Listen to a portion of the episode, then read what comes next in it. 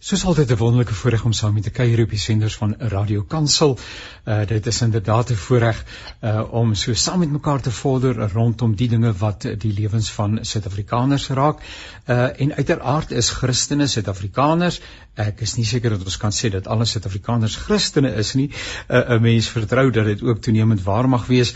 Uh 'n groot persentasie van die samelewing identifiseer ten minste met 'n Christelike lewensuitkyk, 'n Christelike filosofie, uh maar die ideaal is natuurlik dat ons ook wat dit betref 'n uh, koninkryksvernote is en dat ons die uh, die uh, uh, uh, prominensie en die belangrikheid van die evangelie op die hart dra. Nietemin, as kinders van die Here kuier ons hier op die senders van Radio Kansel saam.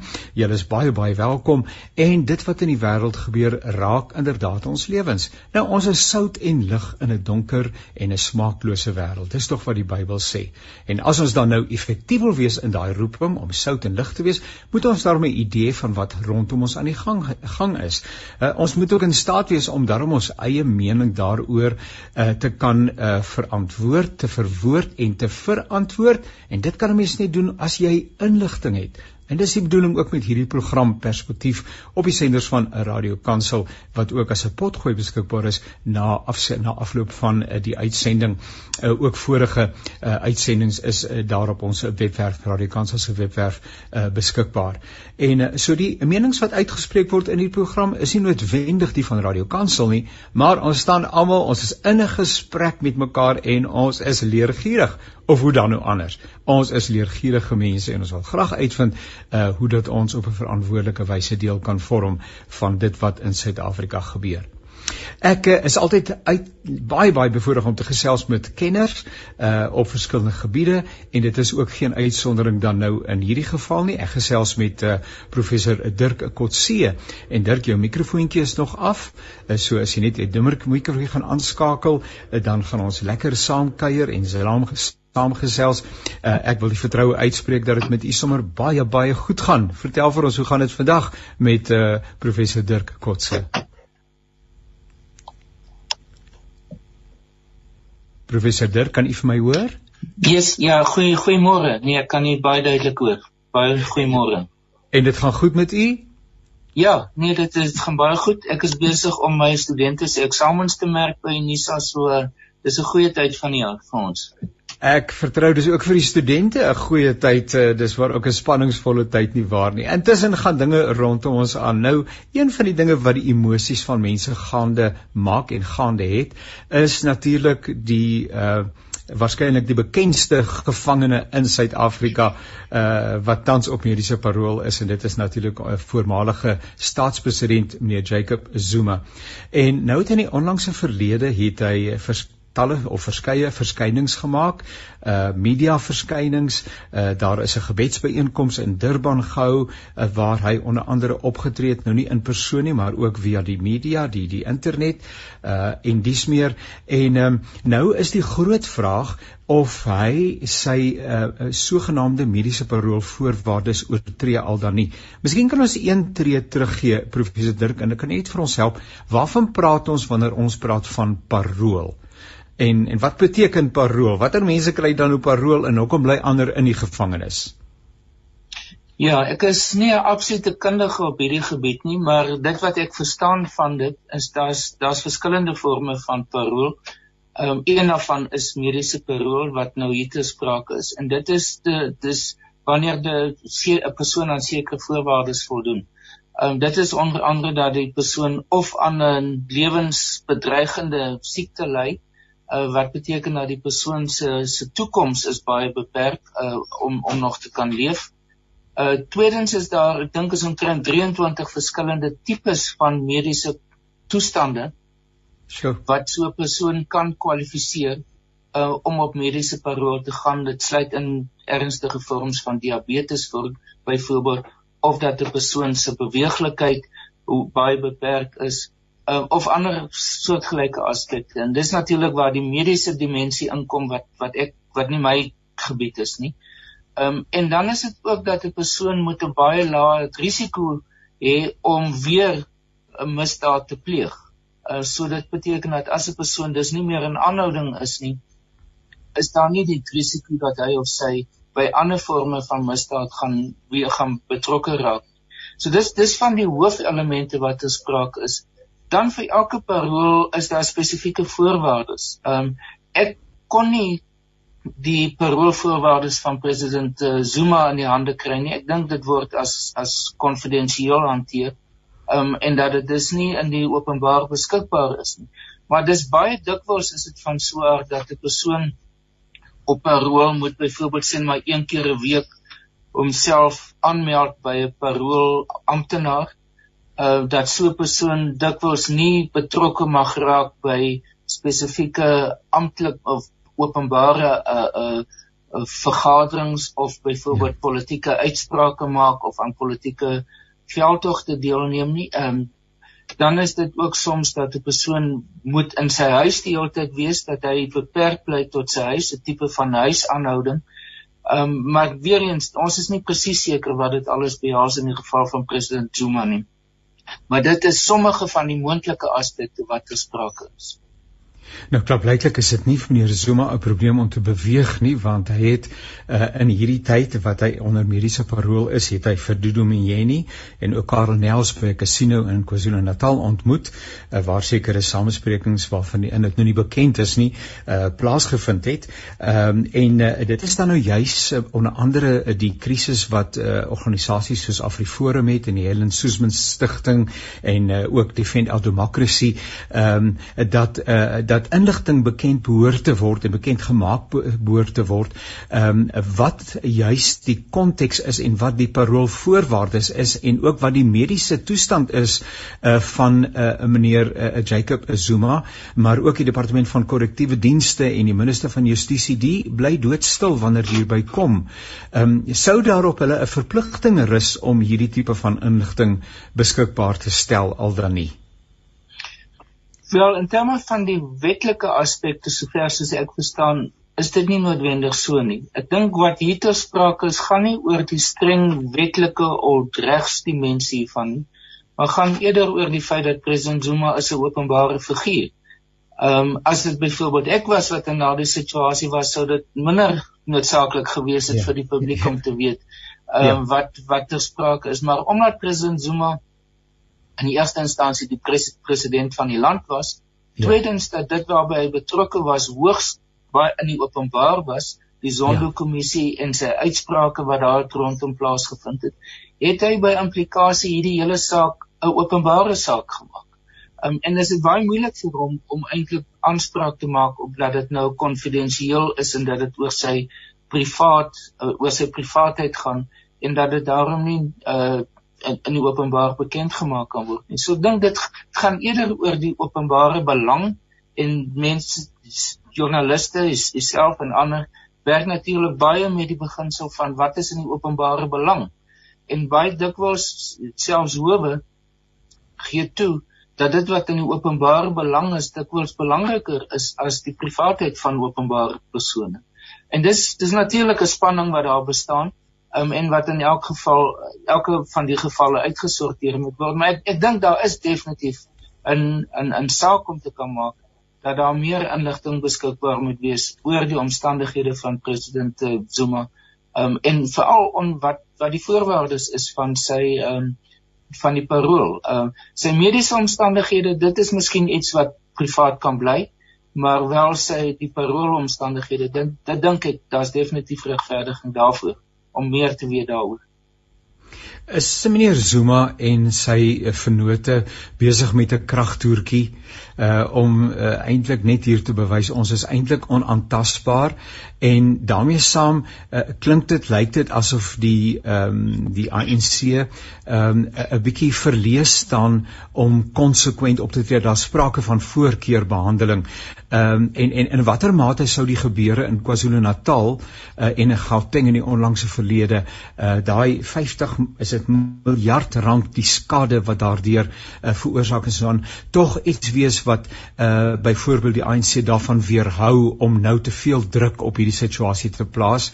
Ehm um, ons weet nie of die sekuriteitsdienste in staat sal wees om weer so iets te te kan effektief te kan hanteer nie ensovoorts. Ehm um, so uh, uh, dis eintlik ehm um, twee harde koppe as ek die woord kan stel, twee magte wat teenoor mekaar besig is om te kyk wie tree as die wenner uit die stryd uit. Ja, ek ek dink eerstens ek, ek dink nie ons moet die Zuma kant oorskat nie. Ehm um, dit is daar's dikwels die gevoel dat president Zuma is hierdie magiese figuur wat omtrent enigiets kan doen en hy is tot enigiets in staat. Ja. Dit was in die verlede die geval toe hy president was dat hy tot baie in staat was. Nou is hy tot 'n baie minder mate tot daartoe in staat as gevolg van die feit dat hy nie meer die politieke mag het nie. Hy's nie meer nie daardie drie name wat hy nou genoem het, um Kanyas, Dudumjeni is tekenend van waar hulle is, waar hierdie groep is, né? En dit is basies in die politieke wildernis. Ja. Um en dit beteken dat hulle hulle het nie meer die institusionele posisies nie. Dudumjeni is nie meer die voorsitter van die SAL se se beheerraad nie. President Zuma is nie meer die president nie uh Ysmagashule het nou weer hierdie week in die tronk verskyn. Hy's hy's nie op die oomblik aktief in sy pos as sekretaris-generaal nie. Kanyas is geskort uit die ANC uit. So dis alles aanduidings daarvan tot watter mate hulle moet probeer om dit om terug te om dit terug 'n soort van aksie te loods uh, om te probeer om om veld terug te wen. Want een van die groot goed en dit is een van die punte wat president Zuma in sy toespraak gelewer het um, by hierdie sogenaamde uh, gebedsbijeenkoms ja. was dat hy wil hê wat hy 'n oproep gemaak het tot ANC-lede en by implikasie spesifiek sy ondersteuners dat hulle moet nie die ANC verlaat nie, hulle moet nie hulle self ontmagtig binne die ja, ANC ja. nie en hulle moet gereed wees vir volgende jaar se nasionale konferensie van die ANC volgende jaar in in Desember om te probeer om terug te wen wat hulle wat hulle verloor het. So dit is alles tekenend daarvan dat uh, president Zuma is is is onder geweldige groot politieke druk om te probeer om weer 'n 'n faktor in die ANC te word. En want hy is dit nie en sy ondersteuners is dit nie en ehm um, daar is bitter min mense wat nog openlik sy ondersteuners is wat in posisies van van gesag binne die regering of die ANC is. En ek dink dis die groot dilemma I mean iemand soos Isma Gesule het byvoorbeeld met hierdie ehm uh, verskyning in die hof na die tyd gesê wel hy is baie gefrustreerd dat die hof nie aan die gang die hofsaak nie aan die gang kom nie. Duidelik is hy bang dat hy besig is om steen te verloor, dat hy besig is ja. om meer en meer gemarginaliseer te word. Ja. En hy wil sy posisie kry terugkry om weer homself te kan om te kan terugwen wat hy verloor het. So dis nou 'n lang antwoord wat ek vir gee, maar dit ja. alles ja. kom daarop neer in dat dat dit waar waar president Zuma staan is nie 'n teken van mag nie, is 'n teken van desperaatheid eerder. Ja. Ek gesels bietjie later in die program met Roland Henwood uh, oor die gebeure in Irene en die sogenaamde gijselaarsdrama wat dit klink vir my dalk 'n bietjie van 'n 'n 'n 'n bietjie van 'n emosionele inkleding is van wat daar gebeur het, maar nietemin, ehm um, net van u kant af is daar sou u sê daar's 'n verband tussen uh meneer Zuma uh en dit wat daar gebeur het. Uh ek het raak gelees iewers dat dit juist in tye van sy uh verskyning as ek die woord kan gebruik kyk met die gebedsbijeenkomste in Durban daar rondom was dat dieselfde gebeure hier in Irene besig is om af te speel. Uh ek dink u daar is daar is raakvelde, uh afsprake of uh staan die goed los van mekaar? Nee, ek dink dit staan los van mekaar. Daar kan raakpunte wees, maar die raakpunte is is is baie beperk. Ehm um, daar is 'n bietjie van 'n geskiedenis rondom hierdie gebeure. I mean, en dit is iets dat daar aanhoudende gesprekke plaasvind rondom die sogenaamde veterane ehm um, ja en hulle lewensomstandighede. Ehm um, daar's 'n hele staatsdepartement wat dit hanteer. Die bedoeling was dat die dat die adjunkt president Mabuza moes nou by twee geleenthede wees waar hy nie opgedaag het nie. Dit op sigself sal mense 'n bietjie warm om die kraag maak, né? Ja. Um, ja. En die feit dat twee ministers gekom het, goed, hulle is hulle senior ministers, maar was nie wat die persone wat daar was wou gehad het nie. So hulle was omgekrap geweest om dit nou baie reguit te stel. Ja, en as gevolg ja. daarvan dink ek was dit die reaksie wat daarop uh, gevolg het. So dit is tweedens, dit is nie 'n eksklusief ANC groepering geweest nie. Dit is ja, 'n groepering ja. wat bestaan uit uit PAC ondersteuners, APLA, uit ja. ondersteuners van die swart bewussingsgroep Azanla en selfs blykbaar ander groepering. So die gemeenskaplike faktor daar is nie politiek nie. Hulle stem nie saam oor 'n ideologie nie. Hulle het nie 'n gemeenskaplike ja. ideologie nie. Dit gaan oor belange. Dit gaan oor materiële en lewensbelange. Ehm um, wat hulle gebruik as druk drukgroep. So om dit nou te koppel aan president Zuma, dink ek gaan 'n bietjie vergesog wees. Ons weet president Zuma probeer hom assosieer met hom konto om om kontroversies en met die veterane, maar meer spesifiek die MK Military Veterans Association waarby ja. Kanye betrokke is en wat omwind ja. is. Ehm um, so dit dink ek is waar die die koneksies bestaan, maar nie noodwendig tussen hierdie twee gebeure nie. Ja. Net ten slotte professor Dirk, dink jy dat ehm um, ek wil amper sommer in gewone Afrikaans sê moet 'n mens nie vir meneer Zuma en Key ignoreer soos 'n stopstraat nie. Dink jy die aandag uh, wat uh, mense soos hierdie in die media ontvang uh, kon beter spandeer gewees het en uh, en en en dit sou dalk meer effektief wees om doodgewoon net 'n uh, 'n dooie uh oor is 'n koue skouer te draai. Ehm um, veral in die tyd waarin ons lewe waar daar baie meer uh aktuelle uh, sake en uitdagings is nie. Dit dis persoonlik my gevoel. Ehm um, ek meen daar is elemente van politieke ondersteuning vir hom wat nog in KwaZulu-Natal bestaan. En ek meen ek het deel van die vorige vrae nie geantwoord nie. Is is dat dit die feit dat daar hoekom dan nie teen hom opgetree word deur veral die die politieke leierskap nie is omdat ja. ons nou reg in die middel van 'n verkiesing is. Um, in 'n in 'n provinsie soos KwaZulu-Natal is daar mate van onsekerheid oor in watter rigting dit beweeg. In 2019 se verkiesing het hulle 10% van hulle steun reeds verloor. Nou dis op 'n ja. provinsiale vlak. So ek dink wat hulle wil probeer verhoed is dat dit nou ook oorspoel na die plaaslike vlak. So daar's baie politieke oorwegings nou, meer pragmatiese politieke oorwegings wat uiteindelik soort inspel in die wyse waarop teenoor hom opgetree word. Maar na hierdie verkiesing byvoorbeeld, dink ek gaan die situasie weer terug beweeg na 'n punt wat sy rol in die ANC en die invloed wat hy het en sy ondersteuners tot 'n groot mate beperk is. Eh, eh, eh, dit is 'n interessante ding wat u sê nou ek het 'n samejoor gehad in die weermag wat gesê het minds are to be changed en so ek wil tog nou dit dalk nou my laaste vraagie maak. Uh die interessante dat meneer Zuma tog wel 'n oproep doen dat mense uh, sal bly assosieer met die ANC terwyl hy sou byvoorbeeld sy mag kon toets en homself op 'n ander plek uh tuis voel assosieer met ander 'n ander politieke groepering waarvan daar deesdae uh soveel onder die son is ook uh sommige wat redelik uh, redelik momentum opbou en dat hy as dit ware sy politieke invloed sou kon toets deur 'n oproep te doen en te sê ehm um, uh ek gaan voortaan vir en ek noem net 'n voorbeeld vir Action SA uh gaan ek ondersteun uh, dat hy selfs uh, gemeengrond met hulle of met 'n ander groepering soek en sy en sy politieke invloed toets of sou hy daar daarom meer realisties wees om te weet uh, ek sal my hand heeltemal oorspeel. Ja, ek dink in daardie opsig is hy baie realisties. Hy is realisties oor waar die ANC in die eerste instansie nog steeds is. Hy in 'n mate het hulle dit in 2019 gedoen met die vorming van die die ATM van Swandile Manje.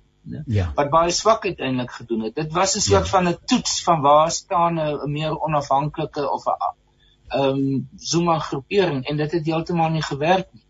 Ja. Zuma ook weet dat al die groeperings wat weggebreek het uit die ANC, COPE, EFF en selfs ander in African Independent Congress, nie een van hulle het werklik 'n politieke mag geword. Die EFF ja. is miskien die beste tot nou toe, maar dit is steeds 'n party met net 10% steun. Ja, ja. Professor Dirk, ons is altyd so voorreg om saam met u te kuier. Dankie vir u weldeurdagte en gebalanseerde uh, bydrae. Uh mag dit met u goed gaan vandag, baie aangename dag, aangename week uh, vir u voorlê en uh, ons gesels weer in die nabye toekoms. Baie baie dankie. Baie dankie. Goeiemiddag. Is dit nie lekker om te gesels met mense wat weet, mense wat hierdie dinge behoorlik bedink het en op 'n verantwoordelike en 'n verantwoordbare wyse uh, kan deelneem aan die gesprek nie. Nou ons gaan nou nou in die volgende paar oomblikke gaan ons gesels met Dr Angelique Kutse. Nou daar's natuurlik nou weer 'n nuwe slang in die gras nê en uh, dit lyk vir my wanneer ons kom by uh, uh by die uh, uh, uh by die vaksinering en alles wat daarmee verband hou, dan is daar altyd een of ander uitdaging en dit gaan nou oor die inenting van tieners. Nou ek het net 'n nota van haar ontvang nou net waar sy sê asseblief stuur net net vir my daai.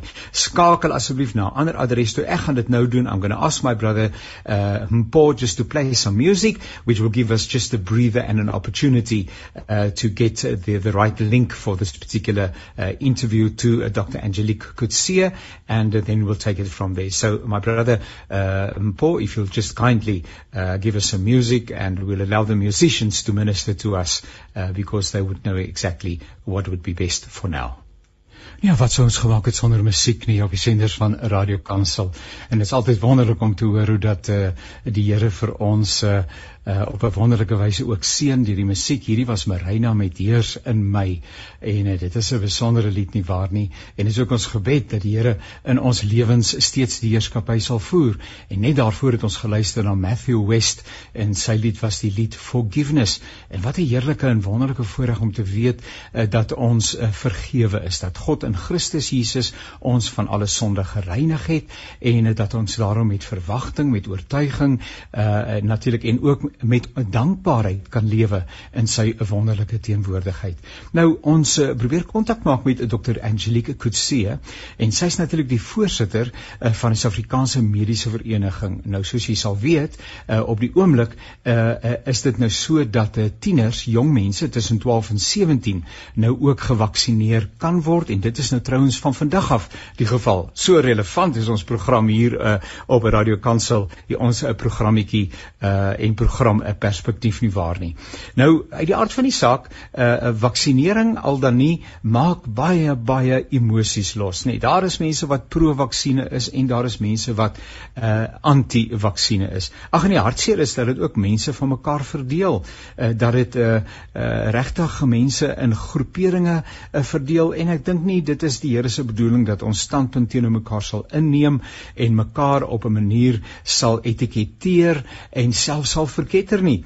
Uh as 'n mens dan nou jou navorsing gedoen het en dit is my eie persoonlike oortuiging, as 'n mens dan nou jou navorsing gedoen het, dan uh moet 'n mens dan nou uh dan 'n besluit maak en ander mense moet daardie besluit moet hulle dan respekteer en uh, dan daarmee saamlewe. En dan weer aan die ander kant uh, gebeur dit dat samelewingsverbande, universiteite onder andere, uh ook sportbyeenkomste en ander uh belangrike byeenkomste toenemend uh die standpunt handhaaf dat tensy mense mense gevaksinereer is, uh hulle nie uh daardie byeenkoms kan bywoon nie. Wat ewenigs hartseer is.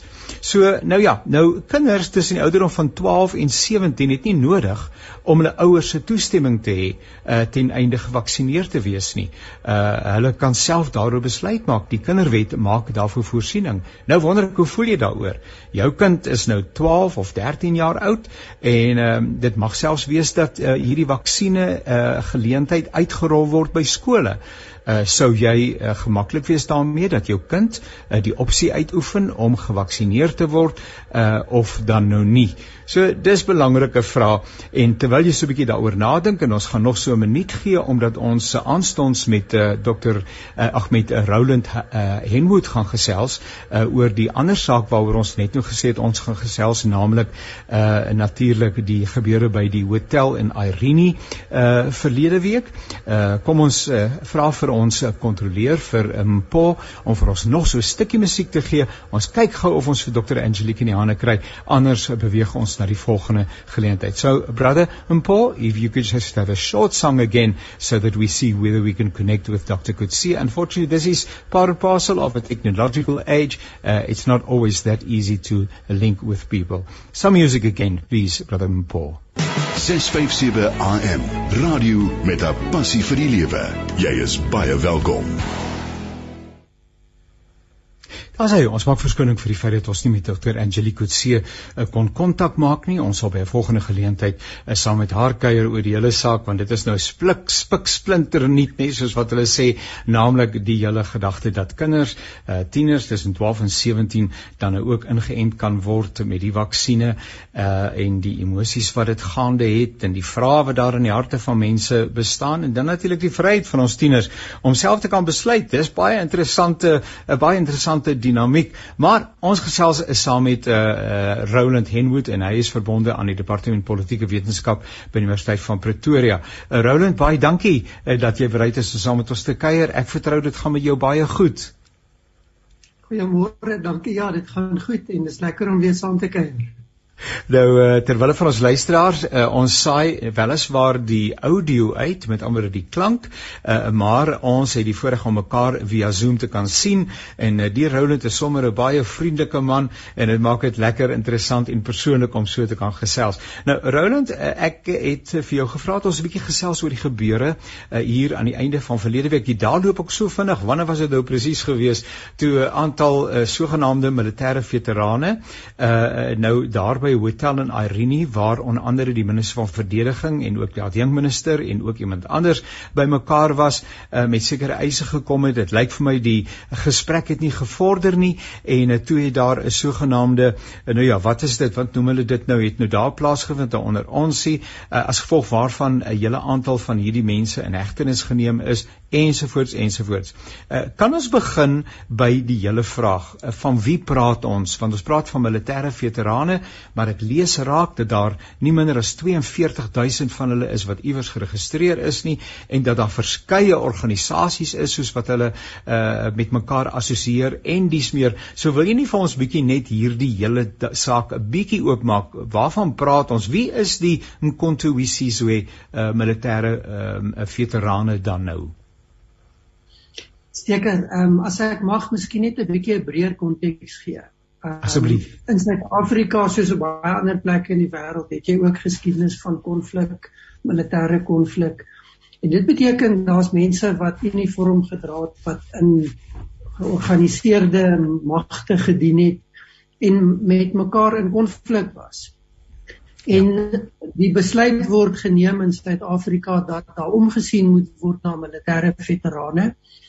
En en dan kyk ons na 'n baie breë spektrum van mense. Daar's 'n departement wat verantwoordelik is vir die versorging en die omsien na militêre veterane.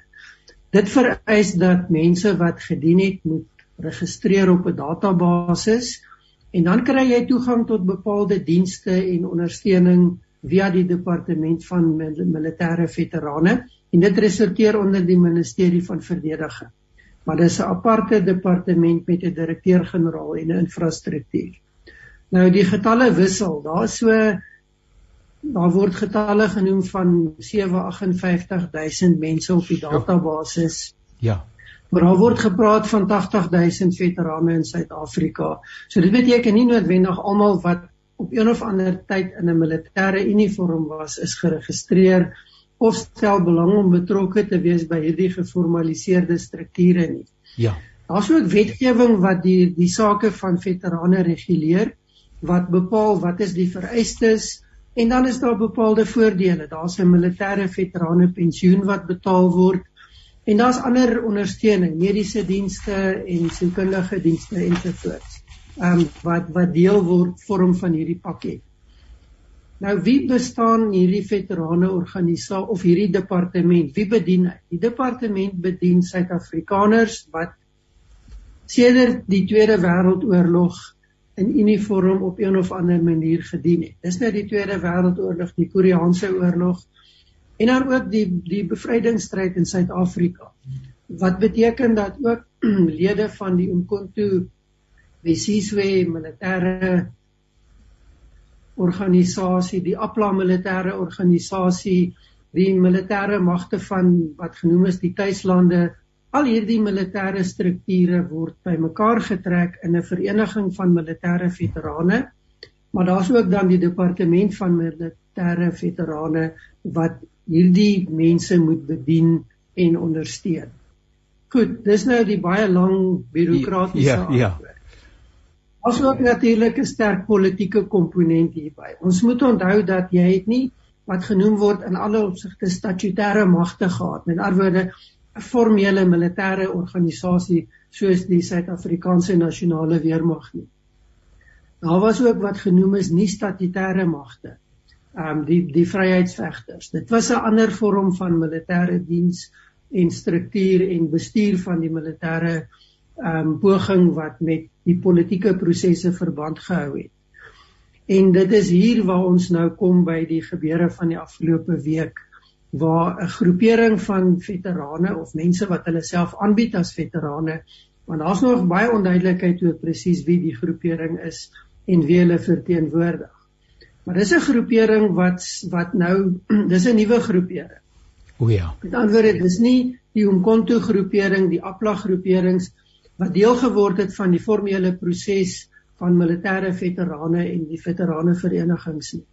Dit lyk asof hier 'n groep mense is wat of buite dit staan of hulle self as 'n parallelle struktuur organiseer om beter of ander um, uitkomste of voordele te beding as wat ons deel van die die die ehm um, bureaukratiese en die prosesse wat in wetgewing vir voorsiening gemaak is. En ek dink dis nogal belangrik dat dit gaan nie oor dat daar niks is nie. Daar is wetgewing, daar is 'n instelling, daar is bepaalde prosedures wat gevolg word om deel te word van hierdie struktuur van van militêre veterane en die voordele wat dit bied. Wat ons hier kry gaan terug. Daar was ook in Desember 2020 onderhandelinge van verteenwoordigers van hierdie militêre veterane wat met president Ramaphosa gevoer is. En op die tafel was die eis dat daar 'n eenmalige finansiële vergoeding uitbetaal moet word vir mense wat in die bevrydingsstryd was. So hierdie is nou 'n meer eng be, be, um, gedefinieerde groep veterane. Um ons het nou gesien die eise is so iets soos 4 miljoen rand per persoon. Maar dan is daar ook verdere eise dat studiebeurse toegeken moet word en en dat daar ander voordele moet wees. Mense moet werksgeleenthede kry by staatsondersteunde instellings ensovoorts. So die die die die konflik hier is tweeledig. Die een is dat ons sit met mense wat hulle nie inbind in die bestaande strukture nie en dan sit ons ook met die eis dat daar heeltemal 'n ander soortige struktuur van vergoeding en 'n ander soortige manier van kyk na hierdie mense se omstandighede moet wees. Ek dink as ons realisties is, dan is daar uitdagings met die bediening en die ondersteuning van veterane. Nie alles het verloop soos wat dit beplan is nie. En dan is daar ook natuurlik die kwessie van verwagtinge. Die verwagtinge van wat mense dink hulle toekom en dit wat wat hulle kry. 'n uh, militêre veterane pensioen is R1910 'n maand. Nou dis 'n groot gaping van daar af na 4 miljoen rand wat uitbetaal moet word. Ja. Ja, ja. En en dit is deel van die probleem. Um president Ramaphosa het 'n komitee aangestel onder die leierskap van die adjunkpresident uh, Mabuza en hy sou die proses verder voer. En dit lyk vir my deel van verlede week se probleem was dat hy nie by die samesprekings was van hierdie groep van mense nie. Die minister van verdediging, die adjunk en dan belangrik die minister en die presidentsie was daar gewees. Ja. So ja. dis nie 'n laafvlak verteenwoordiging nie, maar ja. dit het die mense omgekrap en en hulle was kwaad want hulle wil met die die leier van hierdie proses praat. Hulle wil eintlik seker net met die president praat en hulle het ook nie gevorder met met die eise wat hulle gestel het nie. Um een van die ander eise is dat hulle soek presidensiële skwytskelding vir oortredings wat begaan is en vonnisse wat opgelê is. Ja, ja. Nou dit is alles baie moeilike goed om te gaan onderhandel. Dit het baie spesifieke vereistes. En dan kan 'n mens ook dink jy kan nie sommer net goed moets vir 'n groepering wat hulle self aanbied gaan sê ons gaan julle kwytskeld en ons gaan vir julle geld gee nie ons praat van 'n baie groot um, bedrag geld op jou en daar word gepraat van iets soos 38 miljard rand wat hierby betrokke is. Dis net vir die eenmalige uitbetalings. Sjoe. Ehm um, as ek kom by werkskepping, die departement van militêre veterane het die mandaat om te help met mense met plasings. Ehm um, maar dan moet jy geskikte kwalifikasie hê. Hulle en daar moet geleenthede wees. So daar is 'n skuiwergat. Jy gaan nie net aangestel word omdat jy 'n veteraan is nie. Daar moet 'n geleentheid wees en jy moet daarvoor gekwalifiseer wees. Nou mense kan dink dat binne hierdie konteks die emosies loop hoog, die verwagtinge is groot en dan is daar baie jare se frustrasie en ontevredenheid wat deel is van hierdie onderhandelinge wat nie uitwerk nie. En dan miskien net 'n laaste punt is en en dit sien ons vandag weer is daar ehm um, vrae wat gevra word maar wie is hierdie veterane want hulle lyk bietjie jonk om te voldoen aan die vereistes van veterane. Ja. Ehm ja. um, en dan is die afleiding dat dit waarskynlik ook verband hou met die interne konflik binne die ANC. Sharoland, as ek net uh, miskien so na jou luister na dat uh, die groepering ons praat van tot bykans 80000 mense wat uh, dan onder hierdie gemeenskaplike term resorteer. Dit uh, dit is nie heeltemal uh, ter uh, tersake vir ons gesprek nie, maar ek dink net aan die aan die aan die uh, hoe, hoe duur Suid-Afrika is.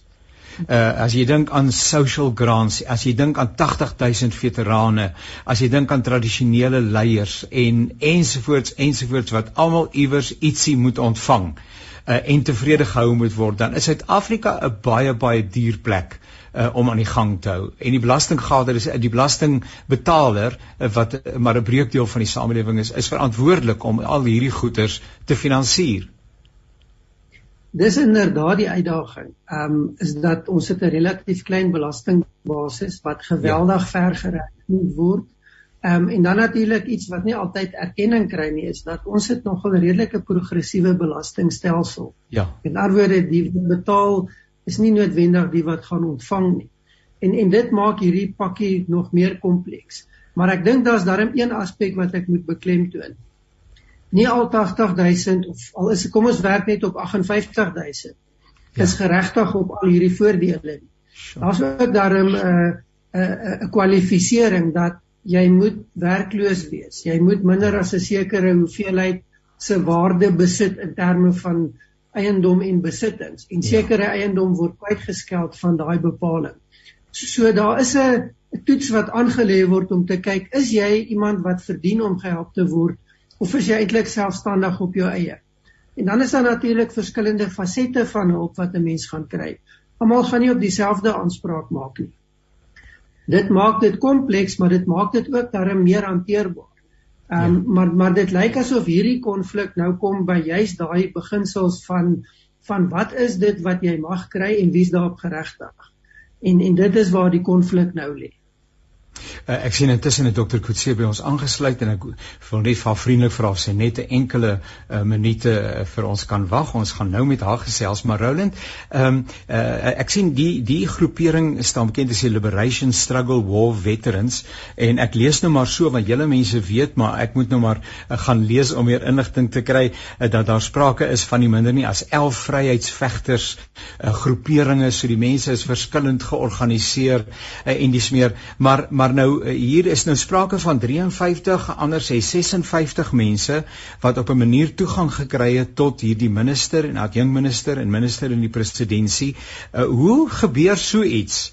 Uh dat uh, dat dat, bykans 60 mense uh, in 'n hotel toegelaat word by so 'n hoë vlak. Ehm um, mens verbaas jou dat 'n afvaardiging tog sekerlik uh, in orde sou gewees het, maar hier stap 'n uh, hele klomp mense uh in en wat wat dan nou aanleiding gee tot 'n sogenaamde gijselaarsdrama. Is daar dan nou nie strukture of moes daar nie strukture in plek gewees het om hierdie tipe van ding te kan voorsien nie. Juis omdat hierdie gesprek nou al 'n rukkie kom en dat die owerhede moes agterkom die ouens is effens gefrustreerd. En hulle het geweet eh, wie op moes opdag daar het nie opgedag nie. Ja waarskynlik aan die ander kant dink ek dat dit dui ook vir ons dat daar's 'n vertrouensverhouding wat eintlik bestaan het en die die politieke leiers het nie verwag wat gebeur nie want hulle is deel van hierdie proses Goed, belangrik. Ons het nou 'n nuwe minister en ek kry al jammer in die sin dat sy in die ding ingestap het baie kort na sy die die minister word en waarskynlik nie al die agtergrond het nie. En nou is sy die leier van die afvaardiging. Ja, dink minister is nie daar nie. Maar dis deel van die uitdaging in Suid-Afrika wat ons kry dat mense wil almal op die hoogste vlak individuele aandag kry. Nou dis natuurlik onrealisties. Maar dit dui ook vir ons dalk dat mense het nie vertroue in die bestaande strukture nie ja. en het ook nie vertroue in die leierskap nie, behalwe as ons met die president kan praat of die president se man kan praat. Dan dan het ons vertroue in die stelsel. Ja. En dit maak dit baie moeilik om hierdie tipe sake te bedryf. Maar maar die feit dat mense tot die stap oorgaan is aanduidend van frustrasie. Maar waarskynlik ook aanduidend van dat ons beskou onsself as verhewe bo die prosesse waardeur ander mense moet gaan. Ja. En en dis nog 'n negatiewe aspek van wat ons in Suid-Afrika toenemend sien dat mense wil op eie manier in eie reg eerste wees, eerste aangehoor word en dan wil ons hê wat ons wil hê. Daar moenie daarteen gepraat word nie ongeag of dit die regering is. En ons sien hier dieselfde proses, want ons sien hier 'n groep wat hulle self buite die bestaande strukture en prosesse definieer en alreeds suksesvol was. Ek meen hulle het met die president gepraat, hulle het die adjunkpresident dryf hierdie projek en nou het hulle toegang tot twee senior ministers en die adjunkminister en hulle kry nie hulle sin nie en dan word dit 'n probleem. Miskien net 'n laaste feit opklaar. Die 56 mense, drie van die mense wat aanvanklik in die vertrek gearresteer is, is werknemers van die hotel. So hulle is vrygelaat. so hulle is nee, ja. betrokke geraak onwetend by die ding. Uh, Roland Henwood van die Universiteit van Pretoria Politieke Wetenskap. Baie dankie Roland. Uh, ons gesels volgende keer weer saam. Dankie dat jy beskikbaar is. Waardeer jou deelname. Dis 'n plesier, baie dankie. Dr Angeline, ek sien vir u hier op die skerm nog nie die fotootjie nie, nog nie die gesiggie nie, maar weliswaar daar is u en so jammer, daar was 'n bietjie van 'n kommunikasiegaping. U kan net u mikrofoon aanskakel uh en uh, dan kan ons net ons het 'n enkele minuut om 3 om te gesels. Gee vir ons 'n bietjie uh, Dr Kutse, baie dankie en ek vertrou dit gaan goed met u. Ja, baie dankie, dit gaan goed met my. Is net 'n 'n rollercoaster week wat jy wonder as jy bo of as jy onder. Nou ons het ons het letterlik 3 of 3 en 'n half minute. Dokter Kutse, die bekommernis wat daar by mense is oor ouetjies wat nou tussen 12 en 17 jaar oud is wat enerzijds wel gevaksinneer kan word en dan daarmee saam en dit nog sonder die toestemming van hulle ouers kan doen in terme van die kinderwet. Geen net vir ons so en jy moet net saam met my die horlosie dophou so in 3 en 'n half minute asseblief 'n perspektief in die verband. Ja, ek dink dit is 'n groot skok vir seker van die ouers om agter te kom daar's 'n kinderwet wat vir kinders vanaf die ouderdom van 12 ehm um, die reg gee om vir hulle self te kan besluit en dit ja. is eintlik al 'n ou wet en ek ehm um, dis bevrees die mense was nie bewus van daai wetgewing nie. Ehm um, so dis die eerste punt. Die tweede punt is wat belangrik is om te onthou is dat hierdie ehm um, kinders wat nou geïmmuniseer kan word van 12 tot ehm um, 18 of 17 soos wat ons sê ehm um, is eintlik meer die kinders wat ons wat wat die kinders wat ons wil hê moet geïmmuniseer word. Dis kinders wat sekere siektes het, ehm um, op nierdialyse en dan ook immuungebrek siektes het. Ehm um, daai kinders is redelik blootgestel dat as hulle COVID-19 kry, hulle erge ehm um, 'n uh, vorm van COVID-19 kan kry in die hospitaal en opeindig en dan net doodgaan daarvan af uh, um, uh, sterf van die siekte. So dis die een groepie. Die ander groepie wat ook vir ons belangrik is, is die standaard 7s of graad 7, die die die, die ou taal standaard 5. Ja. En ja. dan die standaard 9s en standaard 10s, ehm um, nuwe taal graad ehm um, uh, 11 en 12. Ja. Want mense wil graag hê hulle moet hulle eksamens kan skryf dat hulle kan aangaan met hulle lewe, dat ons hulle van die laerskool in die hoërskool kan kry en dat ons die hoërskool oudjies kan uitkry dat hulle in die ehm um, buite in die ekonomie kan inkom en aangaan soos ek sê met hulle lewe. Dit is die kinders wat eintlik die hele idee is om om hier gevaksinneer ge, ge, um, te word. Uh dan is daar natuurlik ouers wat wil hê hulle moet gevaksinneer word en as dit reg is met die kind, um kan hulle gevaksinneer word sonder dat hulle regtig um kroniese siektes het. Daar word nou baie gewag gemaak van die myokarditis of die ontsteking van, die hartspier um vir die onder 30s van die Pfizer dit is eintlik verskriklik verskriklik skaars ook. Dit is nie 'n algemene siekte nie. Wat ons wel gesien het met die COVID-19 veral in die derde fase is dat 'n klomp van die pasiënte het eintlik myokarditis gekry as gevolg van die virus. So dis een van die goed wat die virus self vir jou gee, is myokarditis. So as jy gaan oplet, gaan kyk na die insidensie van myokarditis, um, omdat jy die uh, omdat jy nie gevaksinereer is nie en jy COVID gekry het, is dan is dit baie baie baie hoog en dan um, die wat dan hopelik ehm um, um, as wel as jy dan myokarditis skryf van die vaksines dit is minder as 1%. Dit is regtig baie klein.